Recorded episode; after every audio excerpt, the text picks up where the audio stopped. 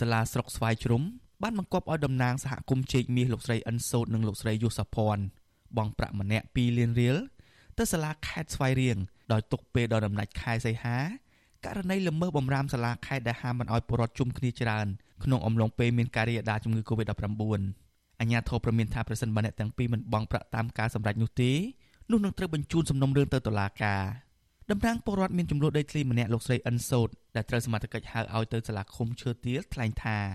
ការមិនបានដោះស្រាយបញ្ហាដីធ្លីជូនពលរដ្ឋក្រីក្រហើយថែមទាំងដាក់ពិន័យឲ្យបង់ប្រាក់ទៀតពីសំណាក់អាជ្ញាធរនេះគឺជារឿងអយុត្តិធម៌និងមិនអាចទទួលយកបាននោះទេលោកស្រីបញ្ជាក់ថាលោកស្រីនឹងតំណាងពលរដ្ឋម្នាក់ទៀតនឹងមិនបង់ប្រាក់តាមការពិន័យទេព្រោះគ្មានប្រាក់បង់ទៅសាលាខេត្តនោះទេពីព្រោះជីវភាពសពថ្ងៃរកមួយថ្ងៃសម្រាប់ចំអែតក្រពះមួយថ្ងៃនោះ តំណាងពលរដ្ឋរូបនេះស្នើសុំអាជ្ញាធរទម្លាក់ចោលការផាកពិន័យព្រោះការជួបជុំគ្នាលើបដានៅលើវាលស្រែដែលបង្ហោះនៅក្នុងបណ្ដាញសង្គម Facebook កាលពីពេលថ្មីៗនេះគឺមានបំណងចង់បានសំណងដីធ្លី3ដុល្លារក្នុង1ម៉ែត្រការ៉េមិនមែន900រៀលដូចដែលអាជ្ញាធរផ្ដល់ឲ្យនោះទេខ្ញុំយល់ឃើញថាអយុត្តិធម៌សម្រាប់ពួកខ្ញុំអ្នកក្រ មិនត្រឹមត្រូវទេមកចាប់ពួកខ្ញុំឲ្យបងព្រោះអីខ្ញុំគ្មានធ្វើអីខុសតែដោយសារពួកគាត់ធ្វើមុនមិនខ្ញុំធ្វើហើយខ្ញុំមិនសុខចិត្តខ្ញុំនិយាយរឿងការពិតខ្ញុំមានអីត្រូវខុសច្បាប់ទេហើយបើគាត់មកឲ្យសងចឹងវាមិនត្រឹមត្រូវទេដូចជាគៀបសង្កត់ប្រជាពលរដ្ឋគៀបសង្កត់អ្នកទួនខ្សោយអ្នកក្រីក្រ ទៅជាអាញាធរអ្នកមានអំណាចបំសាក់ធំមិនខុសអីផងឲ្យខុសតរៀងដូចជាវាមិនត្រឹមត្រូវ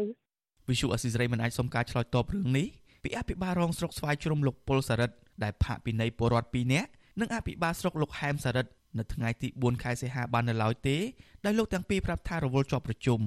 ទោះជាបែបនេះក្តីលោកហែមសរិទ្ធបានប្រាប់សារព័ត៌មាន VOD ថាបញ្ហាដីធ្លីនេះខាងក្រសួងពាក់ព័ន្ធបានដោះស្រាយជូនពលរដ្ឋជាបន្តបន្ទាប់ហើយដោយប្រជាពលរដ្ឋប្រមាណ90%ព្រមទទួលយកសំណងហើយនៅសេសសល់ពលរដ្ឋមួយចំនួនតូចនៅប្រកាន់ចំហមិនព្រមទទួលយកតាក់ទងនឹងរឿងនេះ មន្ត្រីសម្របសម្រួលអង្គការលីកាដូប្រចាំខេត្តស្វាយរៀងលោកនុតបូពិនរតមានប្រសាសន៍ថាការផាកពិន័យប្រាក់ចំពោះតំណាងពលរដ្ឋនេះទំនងជាចង់គម្រាមបំបាក់ស្មារតីពួកគាត់កុំឲ្យប្រមូលផ្ដុំគ្នាតវ៉ាបន្តទៀតលោកយល់ថាអំឡុងពេលមានវិបត្តិជំងឺ Covid-19 នេះអញ្ញាធរគួរតែលើកលែងការផាកពិន័យនេះដោយបង្គាប់ឲ្យពលរដ្ឋធ្វើកិច្ចសន្យាឈប់ធ្វើទង្វើបែបនេះទើបជាការប្រសើរពីព្រោះពួកគាត់ក៏ជាអ្នករងផលប៉ះពាល់ពីគម្រោងសាងសង់អាងទឹករបស់រដ្ឋាភិបាលដែរ។ ដំណាក់កាលនេះយើងបើយើងទៅបលេងគាត់ពីរអ្នកជាតំណាងសហគមន៍គេហាក់បីដូចជាអយុត្តិធម៌ទៅលើគាត់ណាព្រោះគាត់ក៏ជាអ្នករងគ្រោះលើដីនឹងដែរអញ្ចឹងគាត់មានសិទ្ធិក្នុងការស្ទាមទាមានអីអីគឺក៏យើងគិតថាតំណាងសហគមន៍នោះជាអ្នកញុះញង់ព្រោះគេចង់គេចោទថាគាត់ញុះញង់ណាបើស្នាខាពីនេះគួរតែយកយល់ឲ្យដំណាក់កាលនេះមួយគឺថាគាត់រងគ្រោះលើដីទីនេះរាប់សិបឆ្នាំមកហើយអញ្ចឹងដំណាក់កាលនេះយើងអាចថាយើងពមៀនគាត់លើកទី1លើកអីទៅទៅព្រោះយើងផាកពីនេះក៏ផាកទាំងអស់គ្នាប្រហែល10នាក់ហ្នឹងហ្នឹងបានវាស្មើភាពគ្នាបាទហើយបើយើងផាកពីនេះទៅ2នាក់អញ្ចឹងវាដូចជារងគាត់ពីយ៉ាងហ្នឹងរងអាយុផលចំពោះការផាកហ្នឹងខ្លាំងខ្លាណា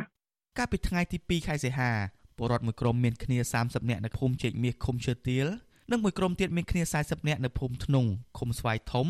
បានប្រមូលផ្ដុំគ្នាលើកបដានៅតាមដីស្រែរបស់ពួកគាត់ដើម្បីទាមទារឲ្យអាជ្ញាធរផ្ដោសំណងសមរម្យក្នុងចំនួនដីធ្លីពួកគាត់ក្រោយពីដឹងថាអាជ្ញាធរមូលដ្ឋានផ្ដោសំណងត្រឹមតែ900រៀលក្នុង1ម៉ែត្រការ៉េ ពលរដ្ឋមានចំនួនដីធ្លីជាង100គ្រួសារដែលរស់នៅអាស្រ័យផលលើដីស្រែសរុបជិត100ហិកតាតាំងពីឆ្នាំ1979នៅក្នុងស្រុកស្វាយជ្រុំស្នើឲ្យអាជ្ញាធរខេត្តស្វាយរៀងនិងក្រសួងធនធានទឹកបដូរគោលនយោបាយផ្ដល់សំណងជូនពលរដ្ឋពី900រៀលក្នុង1ម៉ែត្រការ៉េ